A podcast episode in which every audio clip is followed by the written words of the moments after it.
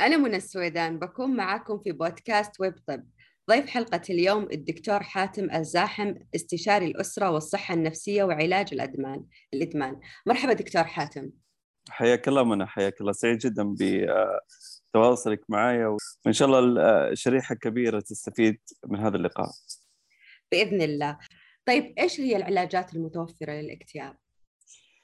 آه شوف العلاجات المتوفرة للاكتئاب كثيرة جدا لكن خلينا نبدأ بال كيف نمط العلاج للاكتئاب هي في علاجات سلوكية نبدأ فيها.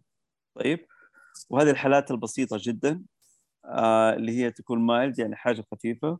ممكن مع ممارسة الرياضة لأنه الرياضة ترفع هرمون الاندروفين طيب. فيرتفع المزاج عنده. عشان كذا الناس اللي بي بيمارسوا الرياضة بيحسوا إنه مزاجهم يعني تحسن بشكل مرة كبير. الطاقة السلبية بدأت تطلع. طيب فالمزاج بيتحسن وبالتالي آه ممارسه الرياضة بشكل جيد وبشكل يومي. الرياضة بالمناسبة لو مارسناها كل يوم نصف ساعة يوميا حتى لو كان رياضة مشي. طيب ال ال الأكل اللي يكون آه آه يعني بالذات الفيتامينز اللي هي بترفع عندنا الهرمونات السعادة آه زي زي ما قلنا قبل شوية تريبتوفان آه في ال dark chocolate آه الفيتامين د خلاص الاهتمام فيه. فيتامين B 12 الزنك المغنيسيوم. طيب. آم ال ال العلاقات الاجتماعية الإيجابية. طيب. الناس لما يروحوا مع ناس إيجابيين في الحياة بيروحوا يكونوا أكثر اختلاط لهم. كمان الأفكار السلبية تقل عندهم بحكم الاختلاط الإيجابي مع الآخرين اللي هم العمل الإنجازات الجميلة. حتى لو كان إنجاز بسيط هذه الإنجازات يكون مردود إيجابي على إحنا نتكلم بشكل عام.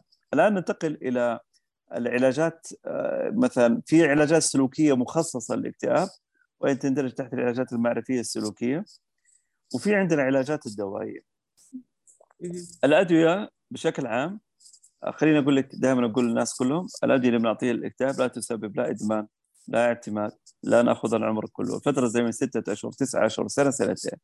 طيب؟ آه التحسن دائما يكون من أربعة أسابيع لستة أسابيع طبعا الأدوية النفسية كثيرة إحنا بس ما نبغى نتطرق لها أنواعها كثيرة.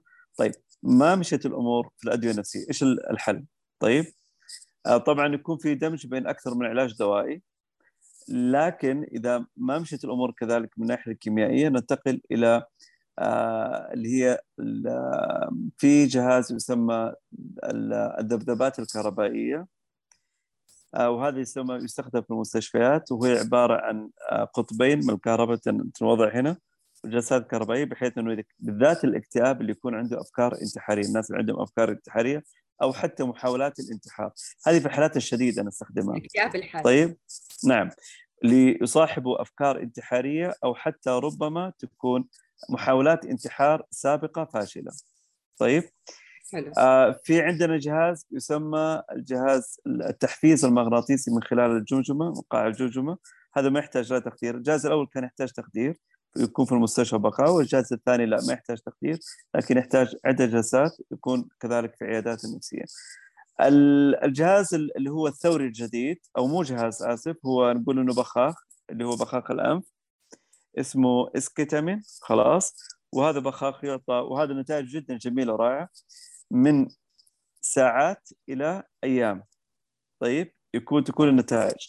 طيب خلينا نتكلم عن البخاخ. آه اسمه اسكيتامين البخاخ هذا نتائج جدا ثورية. هو البخاخ تم يعني آه إنتاجه عام 2019 تم في السعودية بدأ يمكن تقريبا إحنا بدأنا في السعودية له ستة أشهر تقريبا في السعودية بدأ استخدامه.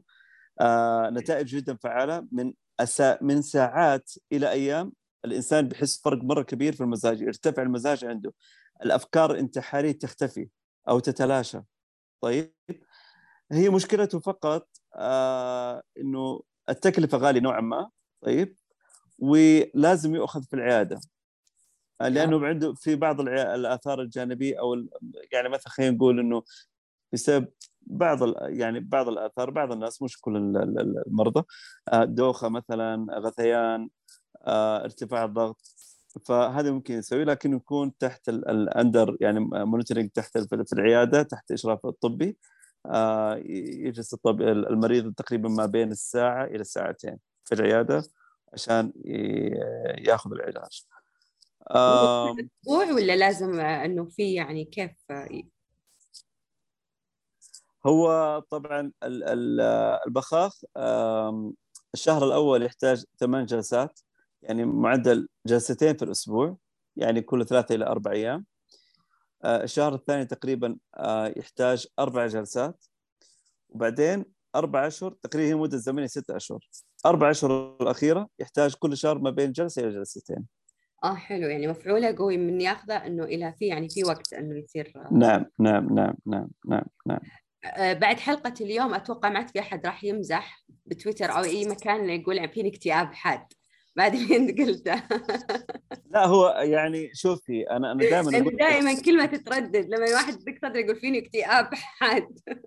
حتى أشوف بتويتر كثير يكتبونها فأتوقع اليوم بعد الحلقة ما حد راح يقولها لا أنا دائما أشوف الناس لما يجوني في العيادة آه هي كلمة الاكتئاب أطلقت على الحزن. يعني لو واحد لا قدر الله توفى له قريب أو لا عنده مشكلة مرضية ولا كذا أنا عندي اكتئاب. لا الاكتئاب مو بالطريقة هذه يعني. الناس اللي يعيشوا دائما أقول الاكتئاب الاكتئاب في كثير عندهم اكتئاب ما يتكلموا ترى. طيب عشان كذا سمي بالقاتل الصامت القاتل الصامت. وهي أكبر يعني يمكن هذا هذا المرض أو هذا هذا الاضطراب من أكثر الاضطرابات اللي ممكن آه، تسبب الوفاة في العالم بسبب الانتحار يعني. طيب ممكن إنه يتعالج نهائي؟ والله يعتمد على الحالة صراحة يعني. ويعتمد خليني أقول لك شيء. آه أنا أنا دائما أقول كلمة أقول آه وهي مقولة لا يمكنك أن تشفى في نفس البيئة التي جعلتك مريضا. طيب الاكتئاب ليس معناه إنه فقط إحنا ذكرناها قبل شوية من الأشياء اللي ذكرنا مسببات الإكتئاب كثيرة لكن أعتقد أنا في رأيي الخاص إنه أكثر مسبب البيئة اللي نعيشها. طيب بيئة الأسرة بيئة المجتمع بيئة العمل بيئة الدراسة. طيب الناس اللي يتعرضوا للعنف يعني ما معقول أقول له بعطيك علاج دوائي وأعطيك علاج سلوكي ونعطيك أشياء؟ والبيئة اللي بيعيش فيها بيئة جدا سيئة. يعني بتجيني حالات كثيرة يتعرض لعنف لفظي جسدي إهمال عاطفي بشكل مرة كبير. فما معقول أقول والله ترى أنت بتعالج صح إنه حتى لو تحسن لكن التريجر موجود. ال- ال- الأداة السامة اللي مؤذية ومؤلمة موجودة ترى. فلازم نتخلص منها. فالعلاج هو زي ما قلنا علاج دوائي وسلوكي واجتماعي أو خلينا نقول إدارة الأزمات والضغوط اللي يمر فيها في حياته يعني.